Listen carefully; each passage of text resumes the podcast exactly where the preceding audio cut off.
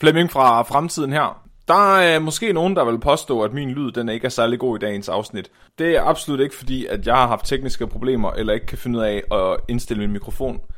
Det er udelukkende øh, af artistiske årsager, at jeg har valgt øh, at lyde i det følgende afsnit, som om jeg er inde i en computer, fordi jeg synes, det passede til dagens tema. Men nu er I advaret, øh, lytterne derude, at øh, min lyd den er måske ikke mega god i dagens afsnit, men den bliver okay igen i næste uge. Husk at være dumme. Hej og hjertelig velkommen til Videnskabeligt Udfordret. Din pro til vanvittig videnskab. Jeg er bare elektriske impulser, Mark Lyng. Jeg er Digiming, Digital Flemming. Digiming er den bedste. Digiming. Hvad de, har du... Digimon, de har også udvikling, har de ikke det? Jo, Hvad er din udvikling? jeg er sidste udvikling af en høne. Wow, det er imponerende. Ja, jeg, øh, hvis jeg var en Pokémon, så havde jeg en, en stjerne nede i hjørnet og, og hologlimmer. det kan jeg godt lide. Vi bringer en advarsel. Den følgende podcast handler om vanvittig videnskab. Al forskningen, der præsenteres, er 100% ægte og udført af professionelle. Mark og Flemming står ikke til ansvar for eventuelle misforståelser, men minder jer om, at de altid har ret. Husk at være dumme.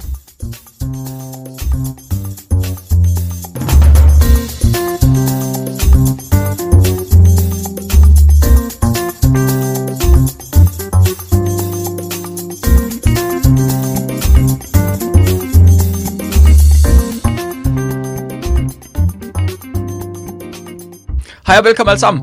I dag, der skal vi tale om, øh, om noget, som står mig og Flemming sådan rimelig nært. Noget, vi er rimelig interesseret i, noget vi er ret spændt på, om kommer til at, for, øh, kommer til at foregå. Så det forventes, på, at vi mennesker på et eller andet tidspunkt opnår en eller anden form for udødelighed. Og det tidspunkt er forventet, at det skulle være inden for relativt få generationer. Nogle siger det århundrede, andre de siger det næste århundrede. Men mange de er enige om, at det kommer. Spørgsmålet er bare, hvilken form for udødelighed. Så vi har tidligere talt om den mest intuitive form for udødelighed, og kunne kurere alderdom. Øh, men i dag skal vi tale om et alternativ. Vi skal tale om, hvor langt vi er fra at uploade vores hjerne og vores bevidsthed. Vi, vi vil gerne kurere livet. Vi vil gerne kurere livet. Vi skal, Ja. vi skal alle sammen være digiming. ja. Vi har Så også Flemming? øh, snakket om, hvordan man kunne øh, blive øh, indkapslet i rav, for eksempel. Øh, hvordan Ja. Robins bud på at blive udødeliggjort. Det er rigtigt. En Eller kulturel udødelighed. Ja. Det er det, jeg siger. Altså, når jeg dør, så skal jeg halsen over på mig og smide mig ned i en mose. Så for at lægge mig i sådan en rimelig sådan afstørende position. Sådan, så når, jeg kommer, når de finder mig og putter mig ind på et museum, så Gravbølleming. gravballeming, ja. Jeg gerne have røven opad. Røven opad. Ja. Hvorfor skal røven være opad? Fordi så kan de se, at jeg har været en vigtig person. Er man en vigtig person, når man har røven opad? Det er jeg sikker på. Det er kun vigtige mennesker, der bliver begravet med røven opad. Det var jeg ikke klar over. Jo, Der kan man bare se, der er simpelthen så meget, jeg ikke ved om øh, paleontologi. altså Ontologi, det, du, du, du skal tænke på det sådan her.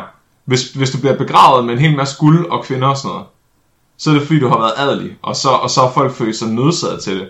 Hvis du bliver begravet med røven opad, så er det fordi, der er nogen, der virkelig har hadet dig og dræbt dig. og hvis der, er nogen, hvis der er nogen, der har hadet dig og slået dig ihjel og begravet dig med røven opad, så er det nok fordi, du har, du har været rimelig vigtig for, at nogen skulle have dig så meget. Det synes jeg, det synes jeg er en fed... Øh, Altså, fordi fed alle tanke. der kan jo for helvede blive født som konge, ikke? Og altså få alt det andet der. Det, det er også kræver rigtigt. det er personligt engagement at blive hadet så meget, at man kan blive begravet med røven opad. Ja, ja, ja, det kan jeg godt se. Hvis nu, at øh, vi ikke skulle begraves, hvis nu, at vi gerne ville leve for evigt, Flemming, øh, hvordan skulle det så foregå? Kan vi det? Hvad siger du? Altså, det ligner jo, at vi er på vej mod en eller anden form for digitalisering af livet. Mhm. I hvert fald i det spæde stadier. Og det er jo også det, der er mange, der snakker om, at det er det, der bliver det næste trin i evolutionen. Altså, jeg At ved ikke, altså hvor meget jeg tror på, at det kommer til at ske. Jeg tror på, at vi får teknologien til det, men jeg er ikke sikker på, at jeg tror, at det kommer til at ske. Nej. Jeg er ikke sikker på, at det bliver, at, at man har lyst til at gøre det, når det kommer til stykket. Nå, har du ikke det? Vil du Jeg ikke ved selv ikke, have jeg- lyst til at gøre det? Jeg tror, jo, jeg synes, det kunne være interessant nok, men jeg har lidt en idé om, at det er som om, at alle menneskets øh, drifter, de forsvinder, hvis det er, at vi kan gøre alt bare ved at tænke os til det. Ja, så kan du ikke længere drikke Odense Classic, og Der er ikke nogen grund til det i hvert fald. Man kan Nej, godt, nej. men hvorfor skulle jeg? det kan godt være, at vi holder op med at synes, brutter er sjov, ikke? Ja, Det er det, der er det smukke Præcis. ved menneskeheden, at vi sådan er, vi er sådan kronjuvelen af en flere milliarder års evolution og selektion, ikke? Vores forfædre har bare kæmpet med næb og klør for at dræbe konkurrenterne, og hvor vi kunne sidde her i dag og synes, prutter er sjov. Ja, præcis. Det er, sådan, det er bare poetisk på en eller anden måde. Benjamin Franklin ville vende sig om i sin grav, hvis han hørte, hvad vi snakkede om. Ja, jeg glæder Så Flemming- stolthed. Ja, hvad skal, hvad skal du tale om? Jamen, vi har jo været så fornuftige at dele op mellem os i dag. Vi har simpelthen, vi har simpelthen været så velforberedte, som man overhovedet kan. Ja, så jeg skal tale om det digitale aspekt af at uploade hjernen. Altså, øhm, hvornår får vi computere, der er i stand til det her, hvis vi nogensinde gør. Altså, så mm-hmm. hardware-delen. Cool. Og øhm, Flemming har jo lige sagt, at vi har delt det op, så efter det, så skal vi snakke om det biologiske aspekt. Så vi skal tale lidt om, hvad det overhovedet vil sige at uploade vores, vores hjerne. Altså, hvad er hjernen overhovedet? Øhm, så skal vi tale om, hvor forskningen den er nu, og hvor vi forventer, den kommer hen i fremtiden. Cool. Ej, det glæder jeg mig til. Ja, ja, ja, ja for delen. Ej. Og hvis, øh, hvis I lægger mærke til, at der er, sådan, der er bedre spil i dag, at vi, vi er mere på i dag, så er det bare fordi, at vi har fået kamera, og vi kan se hinanden. Og det er rigtig rart. Åh, oh, oh, camgirls. Kan jeg lige se Flemming igen? Jeg sidder og smurt ind i vaseline. og videnskab. Det er mam. Flemming, jeg kunne godt tænke mig at vide, om øh, vores computer er stærk nok til, at jeg kunne kaste min hjerne ind i dem. Ja, altså, øh, nu ved jeg ikke, om vi snakker om den gennemsnitlige hjerne, eller om din hjerne, Mark. Nej, det er rigtigt. Uha. Fordi der, jeg tænker, der er, altså, ja, vi er jo nok de sidste, der bliver uploadet. Ja, ja, jo, altså. Så du, du kommer dig, og så kommer der mig. Du kommer lige, jeg kommer lige et point før dig. Er ikke før mig. altså, jeg tror godt, de kunne uploade mig til nok 3510 uden problemer. ja. Det tror jeg faktisk godt helst, jeg vil. Det, det, det er sådan en af de ting, vi skal snakke om i dag, fordi altså, hvis vi skal uploade vores hjerner til en computer, så skal vi jo sørge for, at den her computer mindst er lige så god som vores hjerne, højst sandsynligt. og Nokia 3310, det er creme eller creme af computervidenskaberne. Ja, men jeg er ikke så sikker. Altså, hvis du nu uploader din hjerne til en computer, der er dårligere, end din hjerne er. Altså, fordi man kan godt, man kan godt, man kan godt simplificere hjernen og se på den som en computer på mange måder, en biologisk computer. Så måden computer processerer information på, kan egentlig godt sammenlignes med måden hjernen processerer information på på rigtig mange måder. Selvfølgelig er der forskel, men, men man kan godt groft øh, gøre det på den måde. Og derfor jeg synes det er interessant, hvad der vil ske, hvis du tager hjernen og uploader den til en computer, der er dårligere. Altså det jeg tænker, hvis jeg nu kommer op på en, en Nokia 3510i, så vil alle mine minder, barndomsminder, vil de så være sådan pixeleret, altså sådan 8-bit. Sådan vil de lagge, når jeg prøver sådan at huske min børnehavetid. ja, wow, hvad vil det overhovedet betyde? Vi skal prøve at finde ud af i dag, hvornår vi får computere, der har de samme øh, beregningsevner, som vores egen hjerne har. Mm-hmm. Og det her punkt bliver nogen kaldt for singulariteten. Og øh, jeg ser ofte singulariteten være omtalt som to forskellige ting, men som måske også egentlig er det samme. Den Så ene, nogen- det er en religiøs øh, bevægelse, hvor de har singulariteten som Gud, som de kan bede til og tilbede. Singulariteten som Gud. Ja, det tror jeg, Singular- der er mange, der har. Men Jeg- det er jeg også- troede- jeg og troede det er faktisk... Ja, jeg troede singulariteten, det var sådan en... Øh, for, når jeg hører det, så tænker jeg på sådan en assimilering, hvor alle folk de er blevet til en enkelt ting. Jamen, det er også lidt det, fordi det, sådan kan det også godt forstås. Altså, så enten så er der nogen, der taler om singulariteten, som er det tidspunkt, hvor kunstig intelligens bliver så intelligent og får evnen til at lære sig selv, at, at, øhm, at, at den her kunstige intelligens vil udvikle sig så hurtigt, at det for os vil virke instantant. Og det vil lede til, at den vil kunne løse problemer, vi vil ikke, altså mennesker ikke vil kunne have løst over tusind år. Altså, så du får sådan en AI, som basically bliver en gud, fordi at den, den kan udføre beregninger med en hastighed og præcision, der er så stor, plus den selv kan stille spørgsmål og svare på spørgsmålene lige pludselig, at det udefra vil virke som måske årtusinders forskning, der foregår på en eftermiddag. Hvis en computer, den regner så hurtigt, som du siger der, stiller den så spørgsmålet, før den kommer med svaret? Eller er det omvendt, eller er det lige meget? Samt det går lige meget, Mark. Det er Ja, det er lige meget. omniscient. Men der er, også, der er også nogen, der refererer til singulariteten, som er det tidspunkt, hvor mennesket uploader sig selv dig- til, en digital version. Altså, okay. Hvor vi så bliver information i en computer. Og jeg tror egentlig, at den er lidt flydende, den overgang, fordi jeg tror, nogen, der forestiller sig, altså, der er sådan et menneskeligt øh, vanity, altså, i at vi forestiller os, at, at hvis en computer skulle få de her egenskaber, så er den også nødt til at have en sjæl på en eller anden måde at, at, at der er så nogen, der forestiller sig, at i det du uploader et menneske til, en, til digital form, så, så vil den her AI, som mennesker så er blevet til at få de samme egenskaber, som den AI, jeg beskrev tidligere. Altså det er meget sådan, det virker. Ja, okay. Øhm, ja, og den der med assimilering, det er egentlig også, altså, der, der, man kan argumentere for og imod, men hvis, hvis, du, hvis du bliver digital lige pludselig, og jeg bliver digital, så er der intet, der stopper os fra at kopiere os selv digitalt, ligesom vi bare kan kopiere vores feriebilleder. Mm-hmm. Så der kan være flere af os lige pludselig. Men du vil jo også kunne kombinere os, på, altså i, teoretisk set, ikke? det er bare et tankeeksperiment. Men hvis jeg nu gerne vil, hvis jeg nu gerne vil huske min, øh, min fødselsdag, hvor du sad og spiste øh, hotdogs med albuerne, fra, fra, dit syns, fra dit perspektiv, men så er der ikke noget, der stopper mig fra at bare gå ind og access det minde, du har. Altså, fordi Jo, jo, jeg er krypteret, Flemming. Jeg har kodeord på. Du er bare vi, ren virus. Det kan du godt glemme alt op. Du kommer ikke herind. men, men så, så er der nogen, der vil argumentere for, at det lige pludselig egentlig... Altså det kan godt være, at, at, at den her argumentationsrække vil virke som om, at det her vil tage lang tid for nogen at komme til den her konklusion. Men, men på et eller andet tidspunkt er nogen, der tænker, okay, hvorfor joiner jeg ikke bare mig selv med den anden person? Altså hvorfor bliver vi ikke bare til én person, hvor vi deler minder, og vi deler kognition, og vi deler vores følelser, så vi bliver til den samme intelligens på en eller anden måde, men stadig adskilt. Det lyder og, på en eller anden måde virkelig forfærdeligt. Det er meget, meget hippieagtigt. Ja.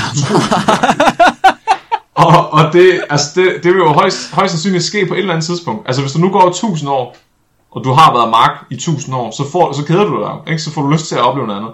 Men hvis, hvis 1000 år udefra er 5 minutter, ikke? Altså, så, så, så får du også den der singularitetsoplevelse udefra, hvis du så kigger på computeren. Ja, det er rigtigt. Så, der, så, så jeg, har, altså, jeg har set argumenter for, at, at de forestiller sig, at, at hvis, hvis vi bliver digital, altså, hvis menneskeheden bliver digitaliseret, så vil vi højst sandsynligt merge og blive sådan en superintelligens. Det, øhm, okay. Crazy. Det, det er sådan et fuck at tænke på. Plus, at, at altså, hvad der gør os til mennesker, vil højst sandsynligt forsvinde ret hurtigt, fordi der er ikke noget, der vil forhindre os i at, at, at, at, at udvikle flere sanser. Altså bare kunne se infrarød eller ultraviolet.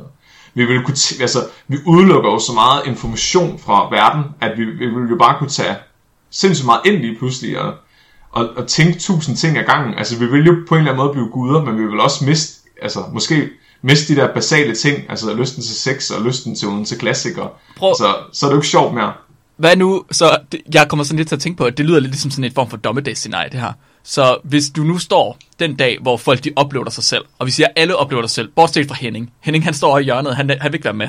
Så Henning han kan bare se, hvordan på 5 minutter, så har hele menneskeheden udviklet sig til den her guddommelighed, og samtidig så er de gået ned og hjem, altså gået i stykker igen, fordi de ikke kan holde til deres egen guddommelighed.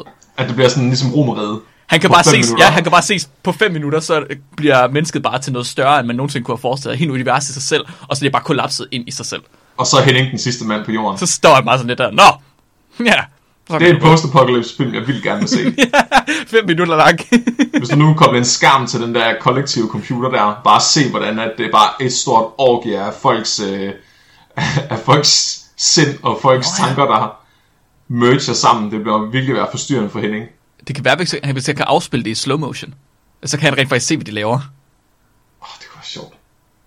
Men det var simpelthen, det var også et, et, et argument for øh, Fermi-paradoxet, eller en løsning på Fermi-paradoxet. At hvis det, er en, hvis det er den naturlige progression af intelligent liv, så, altså, så kunne det være, at intelligent liv bare bliver til sådan en bevidst, altså bliver til information.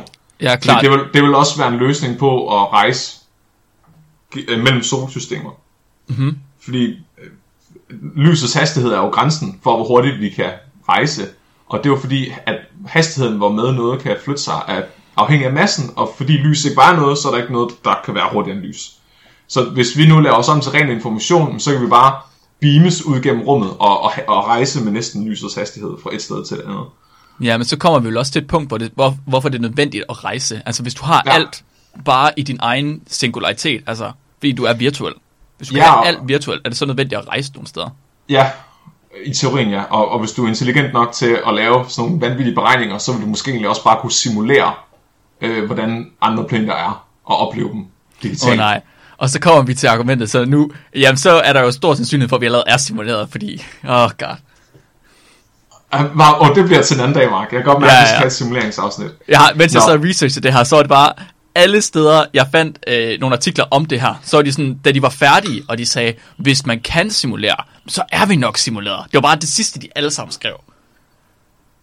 Ja, jeg brækker mig. Jeg tror, det, jeg tror stadig, det er mere sandsynligt, vi en simulering, end gør. Men jeg er Hvorfor, Hvorfor skal jeg så ud og skide hver morgen? Altså, kunne jeg ikke bare lade være, hvis det var en simulering? Ja, Jeg har ikke og lyst. Hvor, det, det er jo spørgsmålet med Gud, ikke? Hvis Gud findes, hvorfor er han så så ligeglad med os? Jamen, det er rigtigt. Nå. Men jeg skal så tale om med det her med computer. Hvornår får vi nogle computer, der er gode nok til, at vi kan gøre det her? Hvornår får vi en computer, der gør, at vi kan efterlade Henning som den sidste overlevende på jorden, og glemme, at prutter er sjove? I Han offrer sig, for, han offrer sig for videnskaben. Ja. Øhm, og det... Øhm, altså, der er, nogle, der, der er nogle forskere, fremtidsforskere, der prøvet at snakke om, hvornår de forestiller sig, at den her singularitet kommer til at forekomme. Og en af de mest populære fremtidsforskere er Kurzweil, Kurzweil øh, som, som har skrevet en bog, der hedder The Singularity is Near i år 2005, hvor han mente, at en computer til 6.000 kroner i år 2020 vil være i stand til at være lige så god som en menneskehjerne. Det var sidste år, Mark. Det... så i dag, der vil den koste 3.000. Ja, Det er altså billig, det er en billig computer. Jeg er lidt fornærmet. Nu, nu, nu har jeg set, hvordan de der Toshiba-computere til 3.000 kroner, de opererer. altså, det... Måske mig... Det er basically bare den Nokia 3310. Ah, men Det, det er mig med virkelig, virkelig slemme tømmermænd. Jeg kan heller ikke starte ordentligt om morgenen og sådan noget. Altså, det, og overheater. Jeg lagger, når du går ind, i, uh, ind på din mail. Ja. Men, men ja. Flemming, jeg har sådan en. Har du sådan en øh, lille... Jeg har, jeg, har, jeg har en, der er bedre end det. Altså, så det vil sige, at jeg kunne, jeg kunne kaste mig selv ind i min computer lige nu. Du har den der tablet, har du ikke det? Jeg har, jeg prøver, jeg har fire computer hjemme. Det er decideret ubehageligt. Slap af, du kan lave fire marker. Kan jeg? Nå, Mark, ja, Mark jeg 1 kan og Mark kopiere mig selv. 2 og Mark 3. Hvad sker der, hvis man nu tager og uploader en hjerne til en computer, to hjerner til en computer, og så kommer til at kalde dem det samme og putter dem ind i samme mappe? Uh. Ja, og hvis du nu kommer til at putte uh, semikolon i titlen, Oh fuck, har du bare ødelagt dem? ja, ja, fuldstændig. Divider dem med 0. Hvad, sk- hvad, hvad sker der, hvis du erstatter en hjerne med en anden? Hvor forsvinder den anden hjerne hen? Eller den første hjerne hen? Den rører jo i trashbin. Den rører i Er papirkurven. det, det er virtuelle fængsel. Ja, det er papirkurven. Det er uh, purgatory. Control alt delete, control alt delete. Ja, ja, ja. Men, og han mente også, at i år 2045, så vil vi have en, en computer, der er mere intelligent end et menneske. Altså en computer, der vil kunne for os at se tænke selv og stille mere intelligente spørgsmål, end vi ville kunne gøre, og svare på dem samtidig nærmest. Sådan HAL 2000-agtigt. Ja, noget i den stil. Altså, fordi lige nu, der er det jo egentlig... Altså, vi har jo computer, der er jo klogere end os på mange måder. De kan jo, mm. altså... For fanden, vi kan jo ikke lave et Excel-ark. Men, men, men, men, altså, men kompleksiteten, altså at, at, kunne stille de rigtige spørgsmål og sådan noget, det kan en computer stadigvæk ikke gøre. Nej. Og det mener han så, at det vil være omkring 2045. Vi har jo allerede computer, der er bedre til at spille skak og CSGO end, end stort set alle mennesker i verden. Så det er sådan, vi begynder lige så stille og roligt altså, at udskifte. Altså grænsen rykker sig hele tiden for, hvad en computer kan gøre bedre end os. Så Altså, hvis man, hvis man kunne kombinere alle de der trænede modeller, som er bedre til mennesket i et eller andet, så ville du virkelig have en computer, der er bedre end mennesket til alt. til sidst, til ja. sidst, ja. ja. ja. Også at skrive skønlitteratur, poesi, lave musik, forske. Det er en meget deprimerende fremtid at forestille Ja, sig. det Og er, derfor, det er ret deprimerende. Det er derfor, der er mange, der taler for at uploade mennesket til sin computer, fordi en fremtid, hvor en computer kan gøre alt bedre end os, det er simpelthen for deprimerende. Og det kan Det er bare så, det er så, man får børn i fremtiden. I stedet for overpopulation, så laver man bare en ny computer. du, du putter dem over på den eksterne harddisk i Ja. tid. Det her, det er min baby, den hedder Dell. Delle, Delle. Delle. Dojiba! Men det her med computerkraft, altså hvor nåede vi egentlig dertil i år 2020, fordi det virker jo ikke rigtig sådan. Og jeg har tænkt, at nu skulle jeg sætte mig ned og kigge på Mors lov, og kigge på, hvad, hvad computerkraft menneskehjernen har, og så prøve ligesom at se, hvornår de her to ting overlapper. Så Mors lov er en, øh, et koncept, der blev udviklet af en mand, der hed Moore i 1965, som sagde, at øh, en computer ville blive dobbelt så hurtig hver andet år. Mm-hmm. Og den er faktisk holdt siden 1965 stort set. Øh, det eneste, vi kommer nok til at opleve, at den falder lidt igen øh, på et eller andet tidspunkt, fordi at vi begynder at nå grænsen for, hvor mange transistorer vi kan lave. Ja, så hans lov siger i virkeligheden, at du, man kan fordoble antallet af transistorer, man kan Ja. putte på en mikrochip. Ja, Og på et tidspunkt så bliver transistorer bare så små, at de altså er mindre end atomer. Præcis. Så det er derfor, at vi, først når vi får kvantecomputere, at vi begynder at kunne se, at Mors lov fortsætter. Men så Ej, kan det være- kvantecomputer, det er godt nok... det et koncept, vi skal have med til den afsnit. Det, det er sådan noget, der fuldstændig ødelægger min hjerne. Lige så snart der er noget, der har noget med kvanter at gøre, så gider det ikke. Nej, Det, jeg vil ikke. det er totalt Deepak. Ja, sjovt bare. Men så, så der, jeg fandt en, øh, en journalist, der faktisk havde gjort det meste af arbejdet for mig. Mm-hmm. Joseph uh, Calsmith. Han havde konsulteret mere end 30 forskellige eksperter i hjernen, for at finde ud af, hvor meget computerkraft har hjernen egentlig. Fordi det er et estimat, der bliver ved med at ændre sig, så vi bliver ved med at undervurdere, hvor god en computer vores hjerne egentlig er. Mm-hmm. Og det er fordi, vi hele tiden bliver ved med at lære nye ting om hjernens fysiologi. Altså, så vi begynder at forstå, hvordan hjernens celler kommunikerer, og hvordan den processerer information og sådan noget. Så for eksempel så har man lige opdaget for ikke så længe siden, at der er nogle celler, man troede bare var sådan nogle stilaser, at de faktisk også kan processere information. Og det gjorde lige, at vores estimater af hjernens computerkraft steg 100 gange. men, men, men de her 30 forskere, de er nået til en, en, en form for forlignelighed i deres estimater, og så nåede man frem til, at menneskehjernen har en computerkraft på omkring 10 i 15 flops. Flops. flops. Flip-flops. Så hvad er det? En million milliard? Ja, En million af 6 nuller og en milliard af 9. Ni nuller, så det er en million milliard. Så det er en million milliard flops. Flo- flops. Og, ja, og en, Flops. En, ja, Det er floppy disk. Mark. En flops. Er det en floppy disk? Mark, en flops. Hvad tror er du, flops? flops? Jeg tror, det er halvdelen af en klipklap. Halvdelen af et par klipklapper. Flipflops. det, det er fuldstændig korrekt. Sådan. Fuck, mand. Det, er, Det vidste de ikke, at jeres computer var fyldt med klipklapper. Nej. Kan I bare se?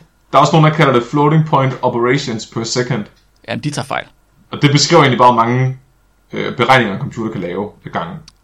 Så det er ret mange. En million milliard, det er en million milliard flops, det er ret meget. En million milliard beregninger i sekundet. Ja, men hvad, hvad, hvad, hvad kan en computer i dag egentlig? Altså det her, det var menneskehjernen. Og der kan man så kigge på en af de bedste computere, der findes på nuværende tidspunkt. Fugaku, Fugaku supercomputeren, som kostede øh, en milliard dollars at lave. Den kører med 40 i 17 flops. Det, det er flere. Det er flere. Det, er det er der er lige, det er 400 gange så meget som menneskehjernen. Det, det er meget. Det, nej.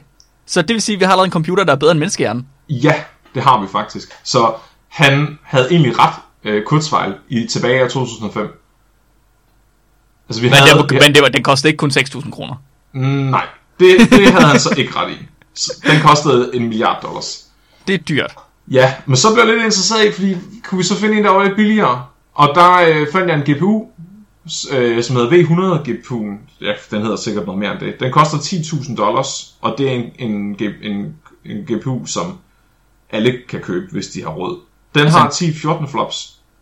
Så den er, den er egentlig kun en tiendel bagud af menneskehjernen. Altså, så man kunne godt forestille sig relativt hurtigt, at vi ville nå op på det her estimat med, at en computer til 6.000 kroner egentlig var lige så god som menneskehjernen. Det er et grafikkort. Et grafikprocessor. Ja, Den er 10 af dem i parallel. ja, Og så, Så kan du køre Flemmings hjerne. ej 20. Nu skal du ikke... Uh... Flemming. Flemming, Flemming, pas nu på. Et Men point det, over i men, men det betyder egentlig, at vi, er, vi har allerede computer, der, der har samme øh, kraft som en menneskehjerne. Og det synes jeg er lidt interessant. Men så er jeg også, okay, fint nok, den, den, kan lave, den kan lave det samme antal beregninger over Ja. tid. Men, men der er jo også nogle andre faktorer, vi skal kigge på. Så for eksempel mm. lagerplads. Ja. Vi har øh, over- en milliard neuroner, der hver er forbundet, øh, der kan lave 1000 forbindelser. Mhm. Det vil sige, at hjernen menes at kunne lære 2,5 petabytes. Det er altså 2,5 million gigabyte data. Ja. Det er nok til at afspille øh, film konstant i 300 år non-stop i HD. Altså, det, det er altså rigtig, rigtig meget plads. Den, den største SSD harddisk, du kan få lige nu, den, den har 100.000 gigabyte. Det er altså også pænt meget. Men det er stadigvæk ikke 2,5 million gigabyte. Nej, det er rigtigt. Det er rigtigt. så, Der skal godt have mange af dem til. Ja. Ja, men, men så er der så nogen, der vil argumentere for, at det egentlig ikke betyder noget, fordi en computer er bedre til... En computer kan adskille hukommelse og processering af data. Så den kan lære data separat fra, at den processerer det, og det kan vores hjerne ikke. Så vores hjerne processerer og lærer data i sådan de samme... Det, det adskiller den ikke, og det er en af grundene til, at vores minder for eksempel ændrer sig, hver gang at vi har tænkt tilbage på dem.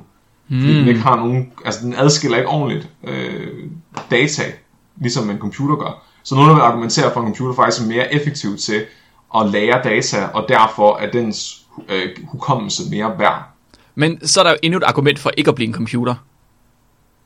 Det prøver jeg, hvis du aldrig nogensinde kunne glemme noget som helst. Og det er bare, ægteskab vil blive umuligt. Fuldstændigt. Du Det er glemte jo- at gå ud med skraldespanden for 20 år siden, og så kom du og sagde til mig, at du havde gjort det, men så var du bare ude med gutterne at drikke øl. Og det passer ikke. Så giv mig lige adgang til din harddisk, så skal jeg fandme selv kigge efter. Du sagde, at du ville slå græsplænen i går. Det gjorde jeg ikke. Det kan jeg love dig for, du gjorde. Går ja. du, og- går du og tænker på Bettina inden for nummer 9? Nej, det gør jeg ikke. Her.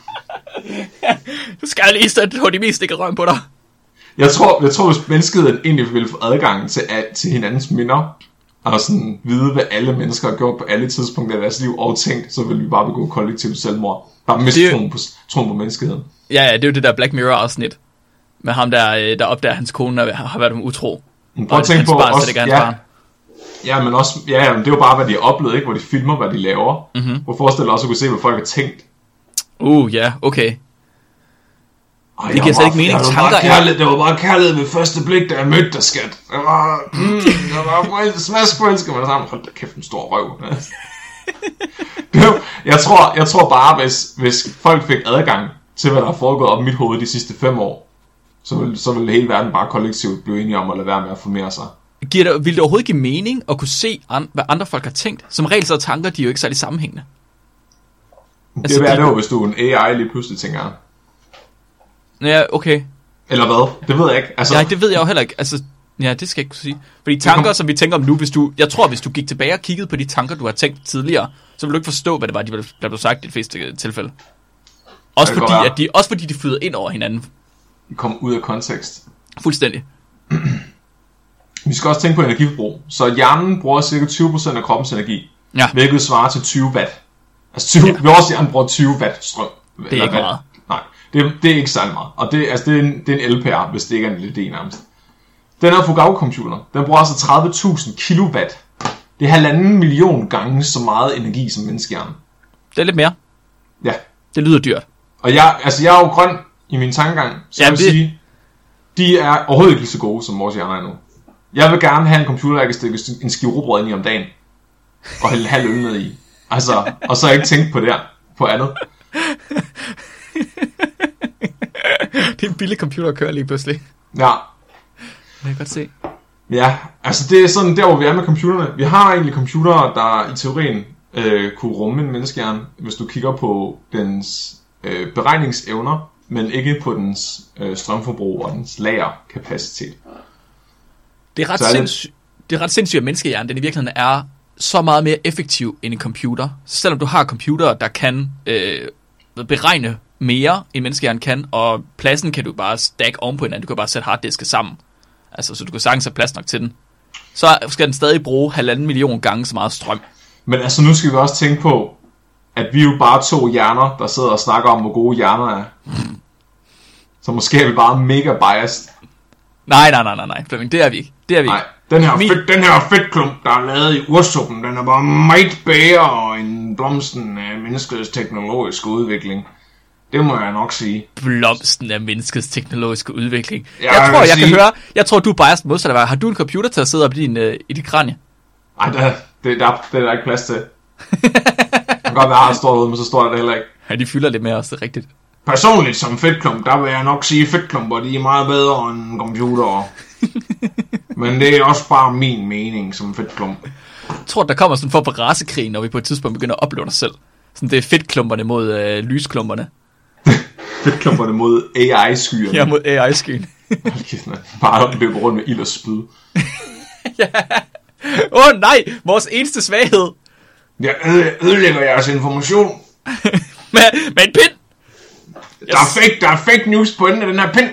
Ja, jeg stikker dit ettaler og dine nuller. Ej. Så vi, vi er der, siger du. Ja. Det ser sådan ud. Altså, Det hvis du, hvis, ja. Det er sgu da nemt. Så er det jo bare at uploade nogle hjerner. Altså, hvorfor... Hvorfor er vi ikke kommet dertil endnu? Nå jo, det kan jeg fortælle. Hvorfor vi ikke kommet dertil endnu. Fordi det er ikke lige så nemt, som vi startede med at troede.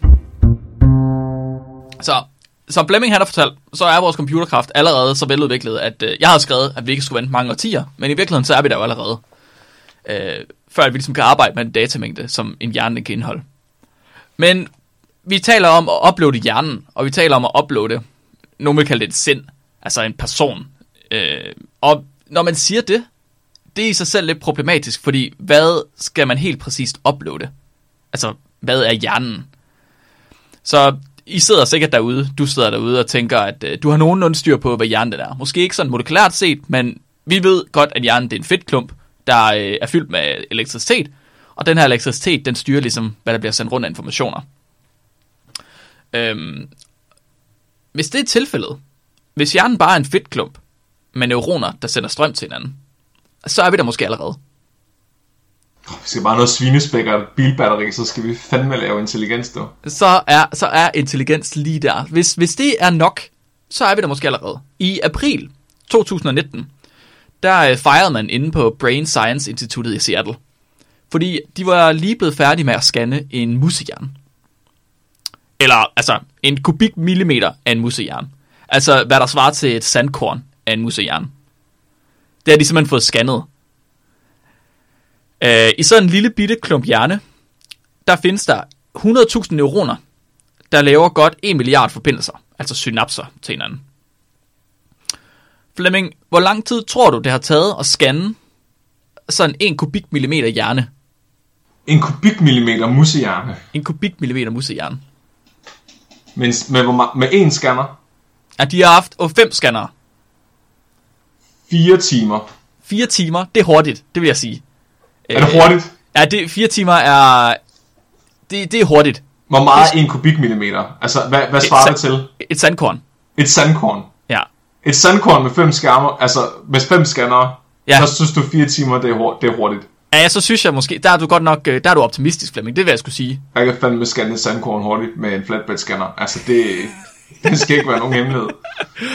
Det tog fem elektronmikroskoper, fem uafbrudte måneder, og scanne Fem mere, måneder. fem måneder uafbrudt, og scanne mere end 100 millioner billeder fra den her musehjerne. De har skåret den her kubikmillimeter hjerne ud i 25.000 bitte små skiver, og så har de fotograferet den 100 millioner gange med fem mik- mikroskoper, der tager billeder med, med elektroner. Det er simpelthen ikke en person, der ryster på hånden og skåret den der, det der sandkorn. Nej, det, det, det håber jeg sagt mig ikke. Åh, hvis man er kommet til skive nummer 24.500 et eller andet, og så bare, nej, nej, heller ikke den er tykkere end den sidste. Ja. Fuck. Fuck, fuck, fuck, fuck, fuck. Det tog fem måneder at scanne og tage billeder af de her. Øhm, derefter så tog det teamets dataloger tre måneder at sætte billederne sammen med software, som de selv havde lavet. I alt så var der 2 petabytes information. Det jeg synes det var lidt interessant, fordi du sagde lige, at der var 2,5 petabyte i øh, menneskehjernen. Her, her der var der 2 petabytes i 1 kubikmillimeter hvor, musehjerne. hvor mange harddiske har de lige sat op? Mange. 2 millioner gigabyte. Altså det er cirka, så du vil sige, hvor, mange, øh, hvor meget video var det, man skulle se for et øh, 2,5 petabyte? Det var 300 år. 300 år. Jeg havde skrevet ned, at øh, 2 millioner gigabyte, det er cirka 133 millioner gange øh, af et kattebillede. I høj opløsning. kat. I høj opløsning, vil jeg mærke. Ja, virkelig Rigtig fed høj kat. opløsning. En virkelig fed kat. Så de havde fået scannet den her kubikmillimeter øh, musehjerne, simpelthen, og havde taget billeder af den, og så havde de bare, så havde de en scanning af en musehjerne. Og hvad kan vi så bruge det til? Ikke, øh, ikke sådan specielt meget. Det, det, det, det, Nej, hold nu kæft. ja, det, så har De man har gjort det. taget, de, de, de, hvad, havde de ikke nogen planer med det? Var det bare for at gøre det? Øh, jeg tror, ja, det var sådan en blanding af at bevise, at man kunne gøre det, og så måske at lægge op til, at man skulle udvikle metoden endnu mere. Weird flex, but okay, eller hvad? Ja. Så øh, jeg tror, problemet er lidt her, at folk, der forsker i at uploade hjernen og i at scanne hjernen, de ved ikke, at de forsker i at scanne hjernen. Det er ikke noget, de gør med vilje, så det er ikke deres... Det ikke, det, de gør ikke det her, fordi de vil lægge hjernen op på nettet på en eller anden måde. De gør det her, fordi de gerne vil vide, hvordan synapser og neuroner de ligesom hænger sammen. Men hvorfor, hvorfor gør det så meget? Hvorfor 25.000 skiver? Altså, Ja, ja, jeg- er en skive ikke nok, eller fem skiver, eller et eller andet? I, I guess not. Så jeg til, umiddelbart, så vidt jeg kunne læse ud af deres artikel, så ville de i den her kubikmillimeter, der kunne de mappe, kortlægge de mest lokale øh, forbindelser, der var mellem neuronerne. Så neuroner, de har jo de her lange arme, aksoner, som kan blive op til en meter lange i virkeligheden. Ja, Men nogle af dem, de bliver jo kortere, så de kan virkelig også lave forbindelser til hinanden inde i hjernen, hvilket de jo ofte gør. Så Det- jeg tror, at de ville studere de her forbindelser, der var mellem neuronerne inde i hjernen. Det er ligesom ledningerne under mit skrivebord lige nu. Umiddelbart ja. Ja, Og, og ikke bare lige nu. Altid, Flemming. ja. Altid. Øhm, så det, der er ikke så meget i det her. Det er ikke rigtig et studie, man kan bruge til at få scannet hjernen. Fordi der er en del problemer igen i at hjernen. De har gjort det nu, og de har kunnet tage billeder, og det var et kæmpestort projekt, og det havde lige så meget information, som hele menneskehjernen kunne indeholde, basically. Men et af vores største problemer med hjernen, det er, at vi ikke rigtig ved, hvad der er, der får den til at fungere. Vi, så konnektomet, det er samlingen af neuroner og synapser i en hel hjerne. Konnektomet i sig selv, det er gigantisk. Fuldstændig abnormt stort. Altså, som Flemming han lige sagde, så, øh, hvad var det, du sagde? Milliard, øh, milliard neuroner i menneskehjernen. ja. Plus minus et par stykker. plus minus et par stykker. Altså det er så stort, at vi har svært ved at fatte. 100 milliarder neuroner har jeg skrevet her. Øhm, så for uden at der er 100 milliarder neuroner, så har hver af de her neuroner, de kan være deres egen type. Og hver type af neuron, de videregiver information på en forskellig måde. Med forskellige kemikalier. Så det vil sige, at der er ikke bare 100 milliarder neuroner, der er også hundredvis af forskellige kemikalier i hver type af neuron, som kan videregive Ej, information. nu kæft. Der er simpelthen, der er, og hjernen, den er meget mere end det. Den er mere end bare neuroner og synapser. Hjernen, den har også andre celler indblandet. Du snakkede om, øh, ja, det var dendritter, du henviste til, tror jeg. Mhm. Ja, der er dendritter, som også er med til at lære information, som man egentlig bare troede var sådan nogle stilladsceller til at starte med. Men der er også øh, glial, mikroglia-celler, øh, immunceller, der sidder i hjernen, som simpelthen hjælper neuronerne med at forbinde til hinanden, men også med at rense hjernen for døde celler, øh, og med at bekæmpe fremmedlemmer, som for eksempel bakterier. Ja, de skal bare fuck af. Fuldstændig. Så Det er, det er uh, McAfee antivirus software. McAfee Antivirus, ja. lige præcis. En, en diskfragmenteringssoftware.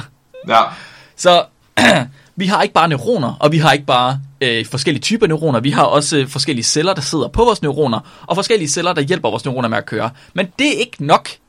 Der er mere endnu. Der er meget mere endnu. Vi har også hormoner, der kører rundt, som ikke er celler, men som er proteiner, altså små bitte molekyler, der sætter sig og binder til cellerne i stedet for. Øh, hormoner som serotonin eller histamin, som styrer humør og indlæring. Men fandme, om ikke der er mere, Flemming. Hjernen, den er jo ikke kun styret af hjernen. Nerverne, de løber jo igennem hele kroppen og sender signaler fra alle mulige mærkelige organer. er du røven, Mark? Det er blandt andet Er det røven. røven? Tænker vi med røven? Er det det, der Blandt- er plot twistet i dag? Vi tænker blandt andet med røven, Flemming. Ej, hvor er det smukt. Al, al, hele kroppen tænker for os. Altså hjernen styrer, hvad der ligesom skal ske, men det er kroppen, der sender signaler til hjernen. Skal, skal det også med, når vi scanner hjernen? Øh, Men det er jo heller ikke nok. Vores krop er jo ikke bare vores krop, Flemming. Vi har jo en samling af små øh, hitchhikers, der sidder inde i vores mause, som også styrer vores krop. Fordi, Øj, øj, øj, Mark, skal du til at snakke om numsebakterier nu? nu skal jeg til at snakke om numsebakterier. Det Ej. seneste, det seneste årti, det har været fuldstændig verdensomvæltende for vores forståelse for indvirkning bakterier, de har på vores krop, og på vores hjerne, ikke mindst. Så bakterier, vores mikrobiom, de styrer, jeg, jeg har begyndt at sige, at de styrer alt. Det er bakterierne, der styrer det hele, fordi det er for vanvittigt, hvad de ikke udskiller af hormoner og ting og sager, der styrer vores indlæring, og styrer vores hukommelse, og styrer vores øh, intelligens, you name it. Det er alt muligt mærkeligt. Det er basic bakterien, der styrer dit liv. Ja. Så, hvad gør vi? Vi skal scanne alt det her. Vi Skal, eller hvad? Kan, er det nok bare at scanne hjernen? Eller skal man også scanne alle cellerne, der er forbundet til hjernen? Skal man også scanne alle hormonerne? Skal man også scanne alle organerne? Skal man også scanne alle mikroorganismerne i kroppen? Det var er det, sindssygt, at, skal at, at man finder ud af, at, at, at bakterier egentlig sidder og, og syntetiserer mange af de signalstoffer, der har indflydelse på vores psyke. Øh, Sagde du den dag? Nej, jeg siger bare, det synes man har fundet ud af det. Nå, ja, okay, jeg tror, At du man er begyndt det. at lave connections til, hvilke tarmbakterier folk har, om de har angst, om de har stress, om de... Altså, der er et case study med en dreng, der var ved at udvikle autisme, og så opdagede det, han havde øh, over, altså mange Clostridium-bakterier i tarmen. Og så gav de ham en, en, en antibiotikakur og en facetransplantation, og så stoppede autismetrækkene. Altså, det var sindssygt. Vi skal... Det, altså, øh, mikrobiomet er simpelthen et helt afsnit for sig selv. Der er vi nødt til at skal have Frederik Bartoldi med som ekspert. Altså, jeg tænker, at bakterierne, det er ikke os, der har bakterierne, det er bakterierne, der har os. Ja, 100 procent. Det er bare dem, der sidder og styrer, ikke? Altså, fordi der bliver jo også, der er jo, der er jo positivt pres for, at de bakterier, der leder til, at vi overlever bedre, at de bakterier, der så også overlever sammen med os. Mm-hmm. Så det er, det er egentlig bare dem, der sidder og kultiverer os. Ja. Det er sindssygt. fører den rigtige retning. Det er en Ja. positiv ja. feedback loop. Så hjernen er kæmpestor, det er ret tydeligt, og ikke bare hjernen, men vores, vores sind og vores personlighed er ret stor. Men det hele er stadig bare information. Man kunne lave det hele om til 1 og 0 et eller andet sted. Man kunne godt simulere alt det her med en virkelig kraftig computer. Nok, jeg ved ikke, om den skal være kraftigere end, øh, hvad hedder den, Fukugachi? Fugak, Fugaku. Fugaku. Fugaku, det er sådan, man udtaler det. Fugaku. Det er jeg sikker ja. på. Men den skal i hvert fald være stor og kunne øh, klare noget simulering. Men lad os, nu, lad os nu tage den hypotetiske bold og så sige, nu gør vi det, nu scanner vi. Nu siger vi bare, at vi kan scanne det og lave det hele om til information. Øhm, hvordan skal man så scanne det? Hvordan får man scannet alt det her? Åh, Du skal da gøre ligesom i Star Trek. Hvad gør man i Star Trek? bare, Øh, hvor de folk, øh, når de bliver teleporteret, at du øh, nedbryder dem til atomer og samler dem igen et andet sted. Åh oh, ja, okay. Øhm, det er en af grundene til, at jeg ikke vil have lyst til at blive uploadet til en computer. Altså blandt andet. Det er den der idé om, at du egentlig ikke op, du bliver ikke uploadet. Du kopierer bare dig selv til en computer. Mhm. Altså det er ikke, du laver bare en kopi. Det er jo ikke Ja. dig, der oplever, at du kommer ind og bliver udødelig. Du laver bare en udødelig parodi på dig selv. Der er, Altså- så mange, der er så mange etiske ting, man er nødt til at smage det her, også som jeg slet ikke har Ja. lyst til at gå ind i. Altså, Men, det, ja. Men det er jo så copy-copy version. Der er også en, der hedder copy and delete. Mhm. Hvor, hvor man snakker om så at, at, at fjerne øh, den originale, øh, du kopierer. Altså så ligesom i Star Trek. Mhm. Mm-hmm. At, altså, folk bliver ikke teleporteret i Star Trek, når de beam, bliver beamet op. Folk de bliver dræbt på horribel vis, splittet ad molekyle for molekyle, og så laver de, printer de 3D-printer de bare en ny person, som har de Ligesom- samme minder, og siger, Ja. det var fint, det kildede lidt. det er Hver prestige. eneste gang. Ja, tænk på, hvor mange gange Spock han er død. men men, men, men en, en mulighed, jeg synes, der er appellerende, altså, eller interessant, det er ligesom, at, at øh, det Elon Musk har gang i med Neuralink, at du mm-hmm. egentlig begynder at udskifte den fysiologiske krop med computerdele, eller altså, dig, dig, altså digitalisere langsomt kroppen. Fordi Ja. det vil jeg egentlig argumentere for, at det er egentlig at, at uploade en selv øh, for reals. Okay, så at du til sidst bliver en form for robot cyborg-agtigt. Ja, altså det, det er lidt ligesom det der dilemma med Tesos skib. Mm-hmm. Hvis du tager et skib og udskifter det del efter del, altså okay, der er også noget mere til den, men, men, men sådan, er det det samme skib, når du udskifter alle delene? Og der vil jeg sige ja, det er det. Hold op, det er ikke noget problem det her. Okay, det er ikke det, der er det rigtige problem med Tesos skib, men det for, glem det. Vores celler dør hele tiden og bliver udskiftet. Altså den Fleming, der fandtes for 8 år siden, han er blevet skidt ud for længe siden. For længe siden. Altså, det, det er jo en helt, en helt anden samling af celler, men jeg har stadigvæk den samme følelse af selv. Altså, så, så hvis du fjerner den fysiske krop med, med, med at digitalisere den langsomt, så vil jeg også argumentere for, at, at det vil være en måde, hvorpå du vil kunne putte dig selv ind i en computer på, uden Hvad nu, hvad nu, hvis jeg var ved at dø, Flemming? Lige nu. Jeg Mhm. var døende. Hypotetisk. Jeg er ikke ved at Ja. dø, Flemming. Bare rolig. Det er okay. Det behøver ikke se så bekymret. Øh, og jeg gerne vil uploades lige med det samme. Hvordan skulle vi scanne mig? Vi kan, ikke, vi kan ikke bytte min krop ud langsomt med ting og sager. Hvordan skal vi scanne mig? Altså, jeg tror ikke, at det er realistisk at scanne et menneske på den måde. Jeg tror, at det nemmeste, det vil være at, øh, at, at bare have sådan en, en, en, nogen, der har, en eller anden AI, der har overvåget dig de sidste fem år. Se, okay, bare lære, hvordan taler Mark, hvordan reagerer Mark på alle de her ting. Altså, hvad, hvad er Marks adfærdsmønster? Og så mm-hmm. simulere det i stedet for. Fordi hvis du alligevel bare kopierer dig selv, så kan du lige så godt lave en, altså så i stedet for at prøve at, at reverse engineer mennesket, så have sådan en top-down approach. Altså hvordan laver vi et digitalt menneske? Der er det jo meget nemmere at ignorere alle de der små faktorer, og så bare kigge på, altså hvad er adfærdsmønstret, og så kopiere det. Fordi så tror jeg egentlig, man kunne nå ret tæt på. Ja, så lave en matematisk model, der kan, der kan minde meget om dig, uden rigtig at være om dig. Ja, men det er jo ligesom, man, det er ligesom når man lærer øh, en computer at spille computer. Mm-hmm. Altså de der øh, algoritmer, øh, deep learning algoritmer, der sidder og lærer at spille CSGO. Mm-hmm. De lærer jo ikke at spille CSGO af at få source-koden til CSGO og dekryptere den. De, de får bare lov til at spille lortet, indtil at de kan gøre det perfekt. Altså det, det, det, det er lidt det samme princip, ikke? Lære Okay. at være Mark, indtil den kan være Mark perfekt. Hold lige fast i den, for det skal vi snakke om lige om lidt, når vi skal snakke. Ja. om selvbevidsthed. Ja, Så det, når vi snakker om at scanne hjernen, hvis nu, at vi skulle forestille os, at det skulle være et eller andet science fiction scenarie, og vi skulle mm-hmm. kunne scanne hjernen, så øhm, de fleste tænker nok, at der er en robot, der svæver rundt om hovedet på os, med en lyskejle, der beamer op og ned af vores ansigt. Og så øh, lige pludselig, så har man en scanning af en hjerne et eller andet sted. ja. Det giver ikke mening. Hvad, det giver på ingen måde, hvad skulle det være? Hvad skulle lyset være? Hvordan skulle man gøre det uden at dø af stråling? Øhm, så det, det findes ikke, sådan gør man ikke. Det er ikke det, vi kommer til at gøre. Så i stedet for, så vi, lad os tale om, hvad vi har at lege med lige nu. Uh, vi har metoder som Functional MRI, som uh, scanner hjernen ved at måle blodtilførselen til forskellige dele af den. Det er sådan en form for indirekte måling af, hvilke dele af hjernen, der bliver aktiveret hvornår. Mhm. Det kan man bruge. Uh, der kunne man måske få et billede af hjernen, på den, hvor den er aktiveret ved hvilket givet tidspunkt. Problemet er bare opløsningen i sådan noget fMRI. Uh, det er maksimalt 4-5 mm. Og vi Og skal det er jo sådan en total børnetegning af din hjerne. Fuldstændig. Vi skal, have, vi skal have taget et billede af hjernen. Vi skal vide noget om, hvordan hjernen er sat sammen, og hvordan neuronerne de sætter sammen.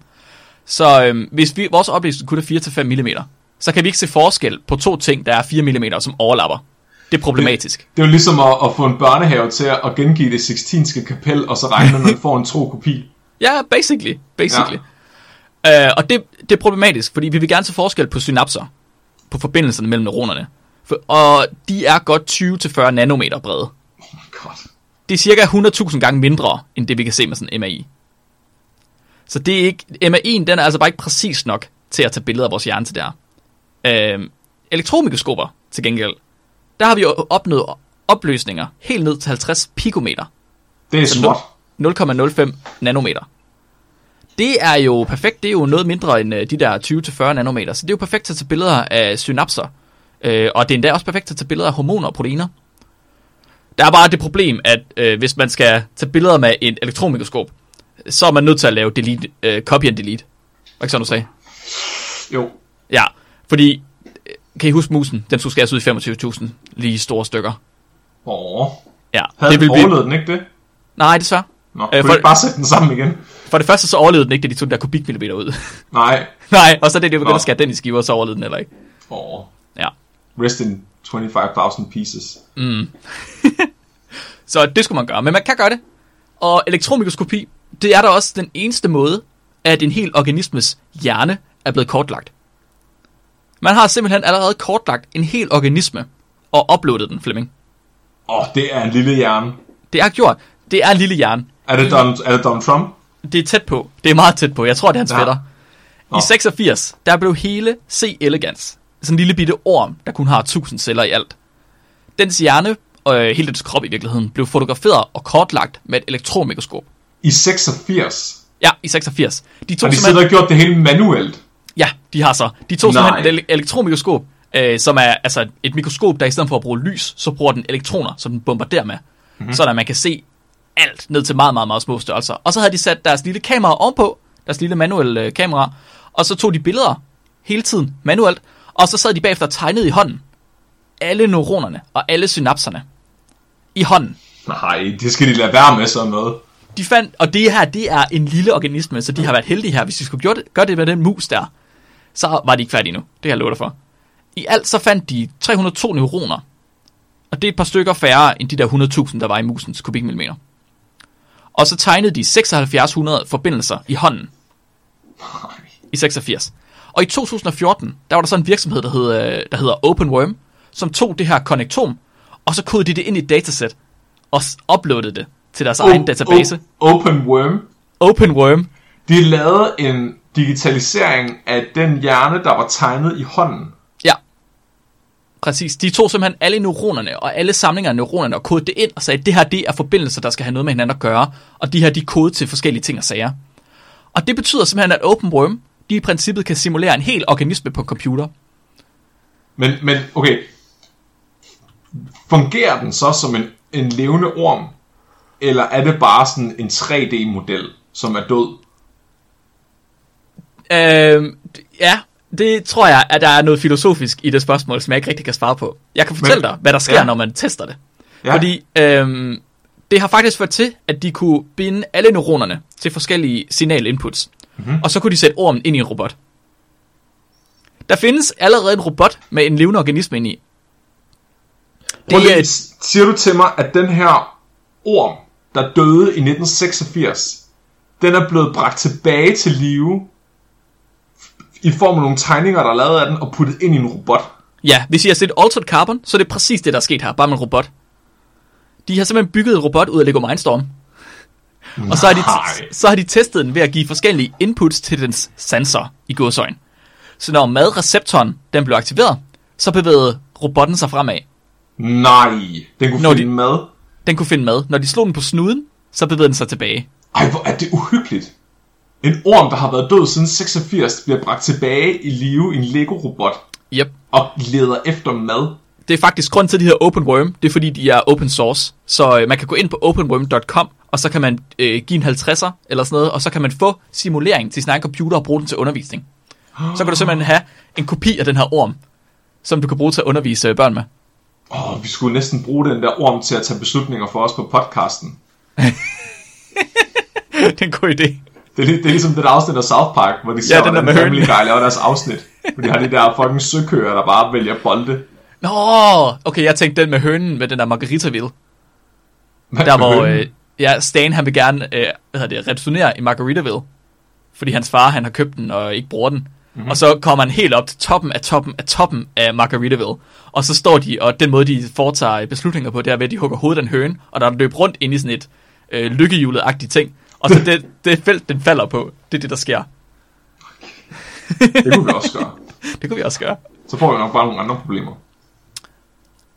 Flemming, verdens allerførste fuldt simulerede organisme, den lever inde i en Lego Mindstorm-robot. Inde i et eller andet støde depot. Hvor er det sindssygt. Det er noget, indrømme- har en eller anden eksistentiel krise.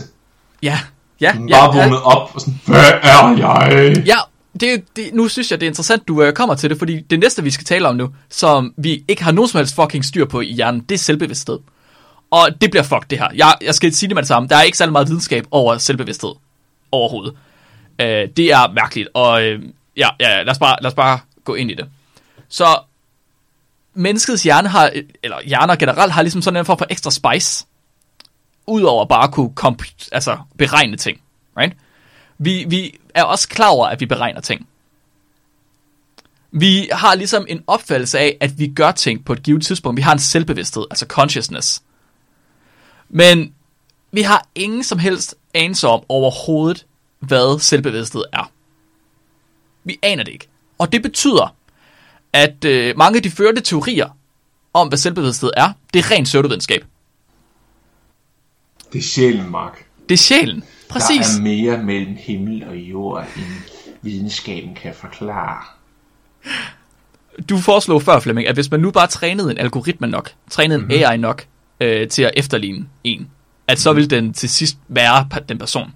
Mm-hmm. Men så spørger man sig selv, har den algoritme så selvbevidsthed på det tidspunkt? Åh, det er et godt spørgsmål. Så det du siger, det er, hvis vi har den simulering af dig, og den bare sidder i et vakuum, Ja, vil den så eksistere? Fordi den vil jo efterligne dig, når den bliver udsat for noget. Mhm. Så hvis selvbevidsthed er en ting, så skal den ikke kun respondere på ting, men også øh, køre, når den ikke bliver stimuleret.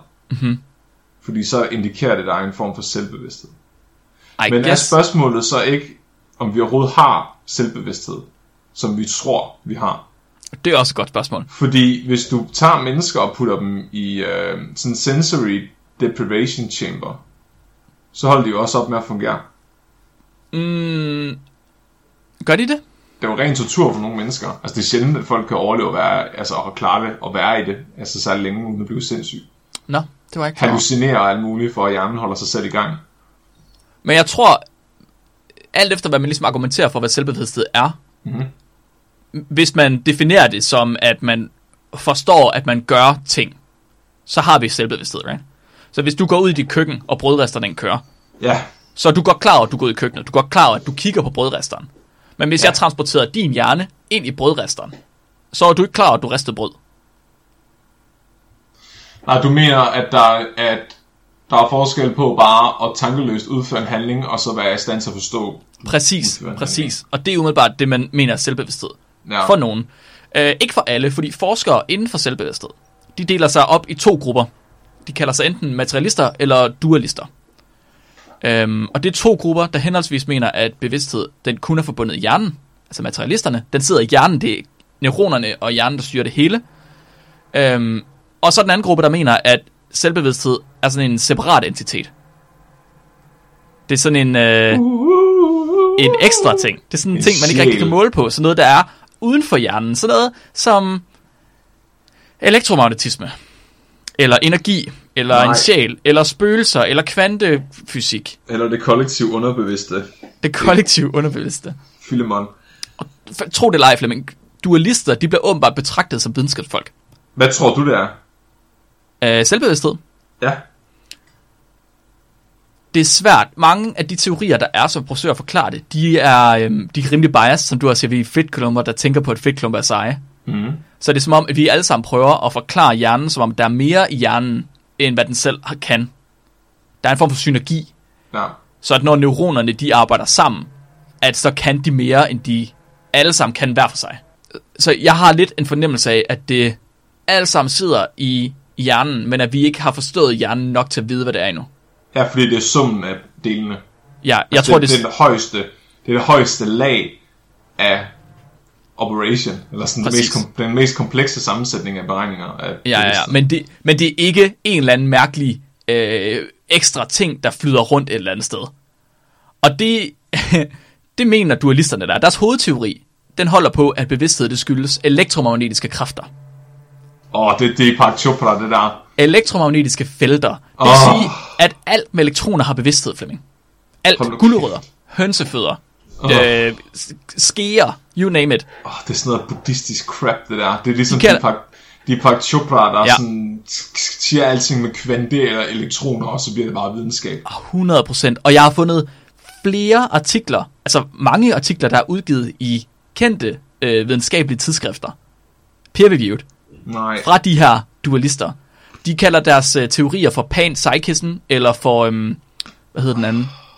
Er Øh, jo, de placerer jo altid sig, sted, sig selv et sted, hvor videnskaben ikke er nået til det nu, så de kan blive debunked. Det er jo altid ja. sådan, det er. 100%. Altså for 100 år siden, så handlede det om, altså om et eller andet, vi ved i dag, hvad er elektricitet, det er en eller anden spøgelse, der bor inde i Ja, ja, ja, ja. lyn eller sådan noget. Altså, hold kæft. Så de kalder det for panpsychism, eller for intrinsic int, uh, information theory, som ja. Betyder, at informationen er intrinsisk i vores hjerne, men at det er sådan en mere, end det er for sig selv.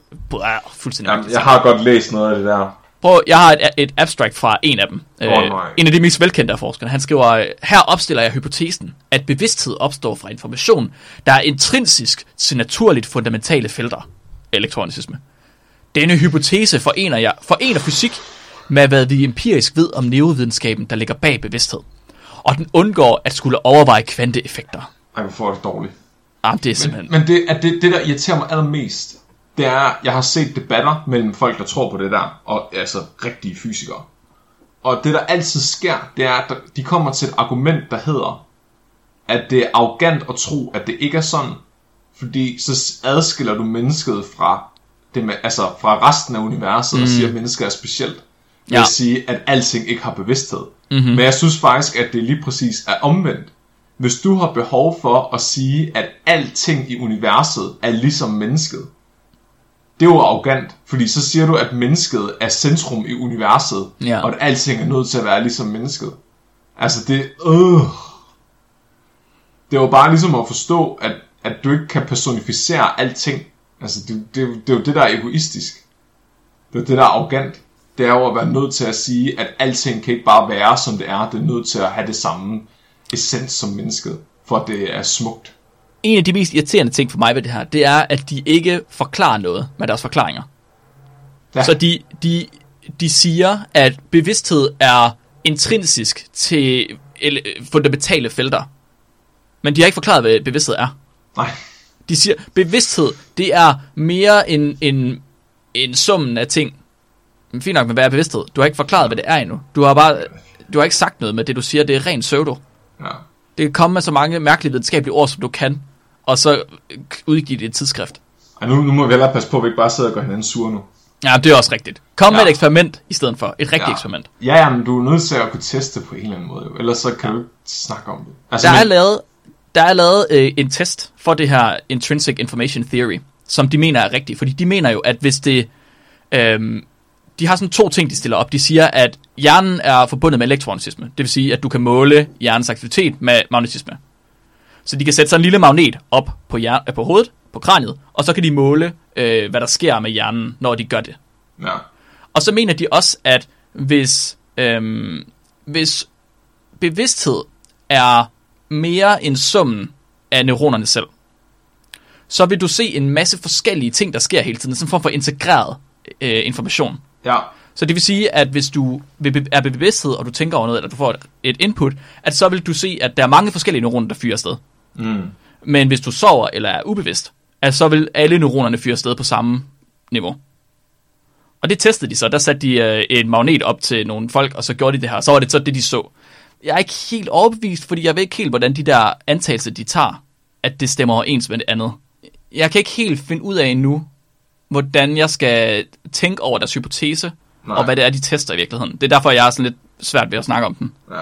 Men de har testet det, mener de selv. Hvis der, er nogen, hvis der er nogen, der ved mere om det her, end vi gør, og det er bare fordi, vi er dumme og ikke forstår, hvad det er, de siger, så må de meget gerne kontakte os, vi vil gerne, jeg vil gerne have forklaret det her.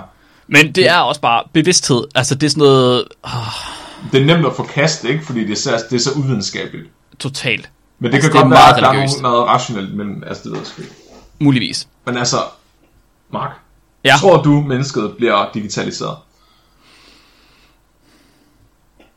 Mm, på en eller anden måde. Men jeg er ikke sikker på, at det bliver som en singularitet. Nej. Jeg er ikke... Okay.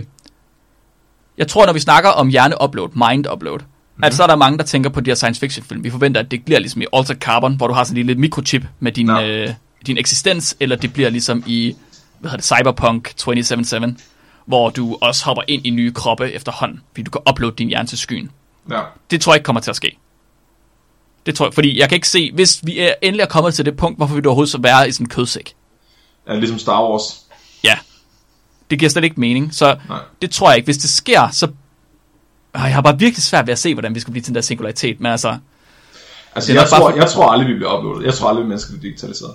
Nej, Fordi det virker som om, jeg, det virker som om, når teknologien er der til at gøre det, så har vi for længst allerede fået teknologien til at lave en kunstig intelligens, der er langt bedre end mennesket. Og Ja. ja. hvorfor vil du så have lyst til at uploade mennesket? Altså, det, det, det, er jo, det er jo ligesom tomatsuppe igen. Vi er tilbage til tomatsuppen. nej. Du gør ikke tomatsuppen bedre ved at putte bacon i den. Du gør baconen dårligere ved at putte den i tomatsuppen. Ikke det er det samme med mennesket. Hvorfor, hvorfor uploade mennesket til en supercomputer? Du gør bare computeren dårligere.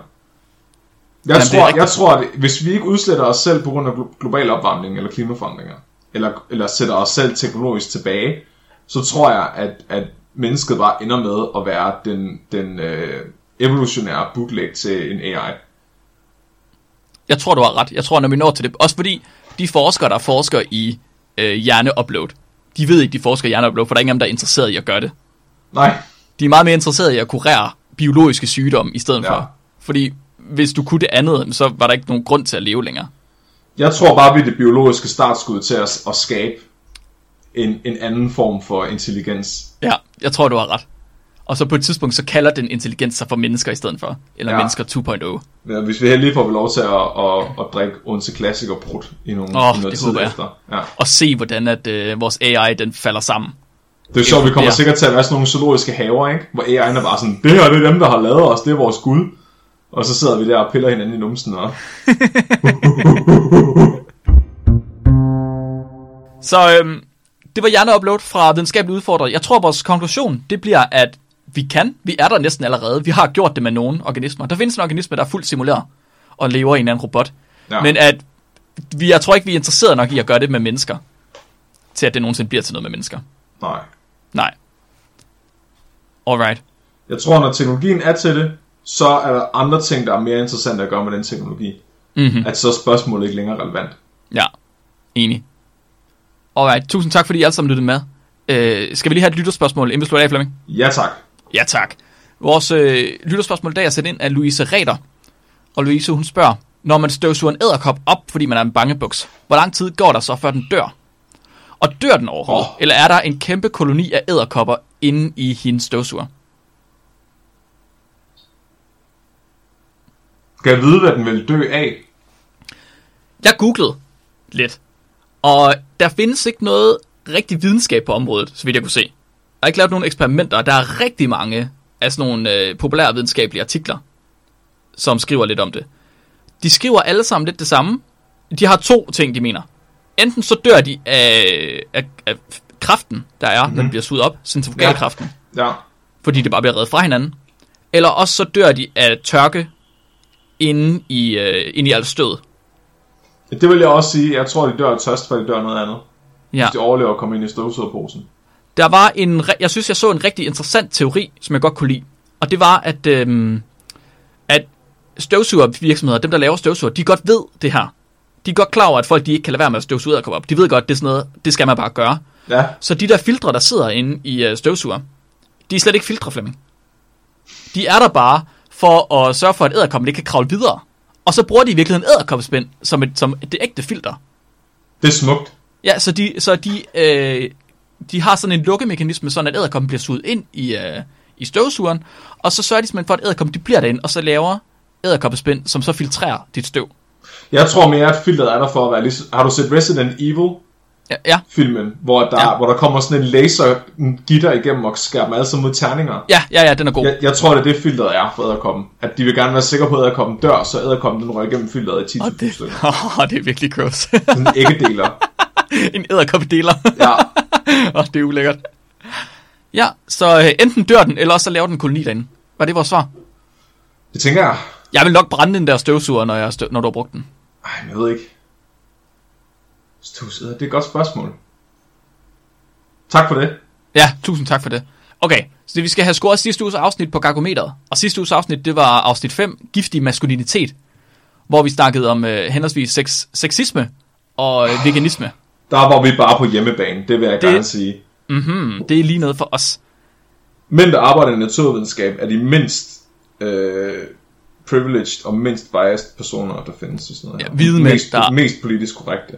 Ja, lige præcis. Det er simpelthen, jeg synes også, at det er et, et felt, et emne, som vi, re- vi virkelig, øhm, det er virkelig godt, det er os, der siger noget. Altså, jeg Ja. synes, det er godt, det er os, der taler lidt op, fordi for ligesom at kunne gøre opmærksom på, på os selv, og, øh, og på, hvor privilegeret vi er. På hvor undertrykte vi er. Ja, det er jo ironi, det her. Flemming, han siger, at folk ikke forstår, når jeg laver ironi. Det er ironi, det her. Så Kasper. Ja. Vid, viden, øh, videnskabelighed, Mark. Hvor videnskabeligt ja. synes du, det var? Øhm, jeg synes, det var ret videnskabeligt. Jeg havde i hvert fald øh, ren videnskab med. Så jeg havde øhm, artikler, jeg havde en del artikler med i virkeligheden, om hvor de havde målt sexisme på forskellige måder. Ja, når jeg havde med om, øh, folk anså veganske mænd som mindre maskuline. Ja, Og det gjorde de. ja det Især gjorde de. Det de var, ikke, det var ikke særlig videnskabeligt gengæld. Det var et videnskabeligt studie jo. Jo, jo, men det var ikke særlig videnskabeligt. Jeg tror, jeg lander på en syv på videnskabelighed, tror jeg. Ja, jeg bliver sgu nødt til at give den 4. Jeg synes, det var ringe. 4? Det er Ja. meget. Okay, så har vi øh, tænkefaktor. Jeg har tænkt rigtig meget her. Jeg har virkelig også talt med rigtig mange om det her, og om øh, hele sexisme-debatten.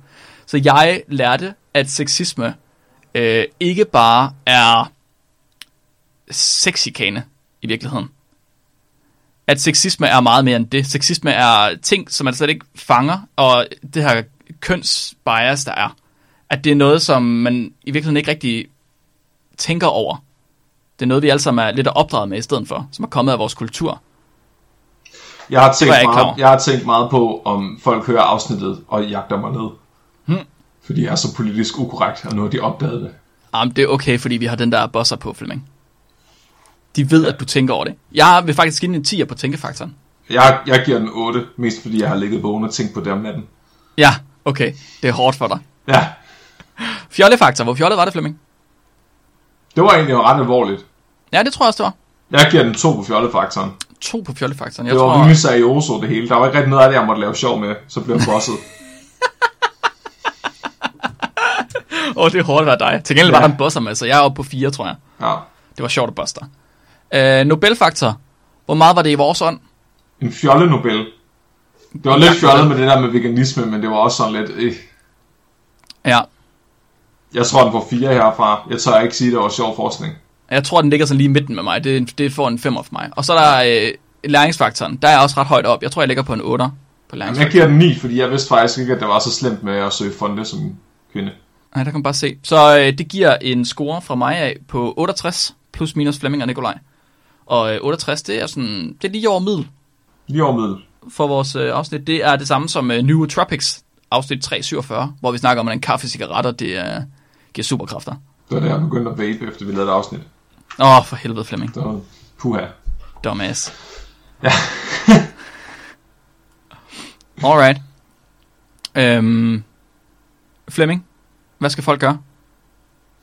De skal øh, gå ind og øh, lægge nogle sjove memes op på vores øh, fanside, som vi ikke engang Mhm. selv har lavet, fordi det kunne vi ikke finde på sådan noget. Det er faktisk ikke os, der lavet den. Der er en fanside for os på Facebook nu, hvis at, øh, I er træt af bare at se opslag fra os på Facebook, hvor vi skriver, at I skal købe vores ting. Øh, så, så kan I gå ind og selv styre, hvad der sker. Og, øh, og vi er også derinde, hvis I gerne vil give os en shitstorm, eller lægge en meme op, eller dele et eller andet, I har oplevet, så vil vi meget gerne se det. Vi synes, det er hyggeligt at interagere med jer. Det er mega hyggeligt til Ja. ja. Og hvis I gerne vil, øh, pay-to-win-metoden er at støtte os på tier, så får I adgang til en Discord-server, som vi også sidder øh, på, og I kan se os optage live og snakke med os bagefter, når vi er færdige med at optage. Og nu kan man se os optage live, fordi vi har Uh. begge to fået kameraer på. Så hvis man vil se reaktionerne, så kan man gå ind og støtte os empatier, og så være med på Discord. Græder hver gang, jeg må tale om høns. Hver eneste gang. Flemming, Ja. han, det er bare en stor tårstrøm, der er der. Ja, Han har sådan en spand til at sidde lige under hans, øh, hans hage. meget emotionelt, og det er bare savl. Ja, det er, det er bare savl. Cool. I uh, næste uge, der uh, skal vi tale om uetisk forskning. Alexander Kirkegaard, artikel Alexander, han har sendt, uh, det er faktisk både ham og så Felix, der er inde på fansiden. De har sendt et studie ind, der hedder Tuskegee Syphilis Study. Med vilje gav nogle folk syfilis, og så lå være med at kurere dem for at se, hvad der skete med dem. Det var da en god idé. Det var da en god idé, så fandt vi ligesom ud af, hvad der sker med syfilis. Ja, Så den skal vi tale om, og så skal vi have fundet et andet studie, hvor øhm, et andet uetisk studie, hvor vi simpelthen kan se, hvad eksperimentet var, og hvad de fik ud af det. Cool. Ja. Det glæder mig til. Jeg elsker, når ting er uetiske. Ja, det gør jeg også. Alright. Er vi klar til dagens dyrefakt, Flemming? Kom med det, Mark. Dagens dyrefakt, det er sendt ind af Maria Dein, som faktisk også sidder med os på Discord. Og Maria, hun skriver, Flamingoer, de kan drikke vand, der er tæt på kogepunktet. Altså det betyder, at de teknisk set vil kunne drikke te. De har... Der er så meget nogle forskere, der har stået helt konevand nede i halsen på en flamingo for at opdage det der. Jeg vil ikke vide, hvorfor det er sket, men det er det. Få græssuppe. Ja, Åh, oh, Jesus. Mit navn er Mark, mit navn er Flemming. og du er blevet videnskabeligt udfordret. Husk at være dum.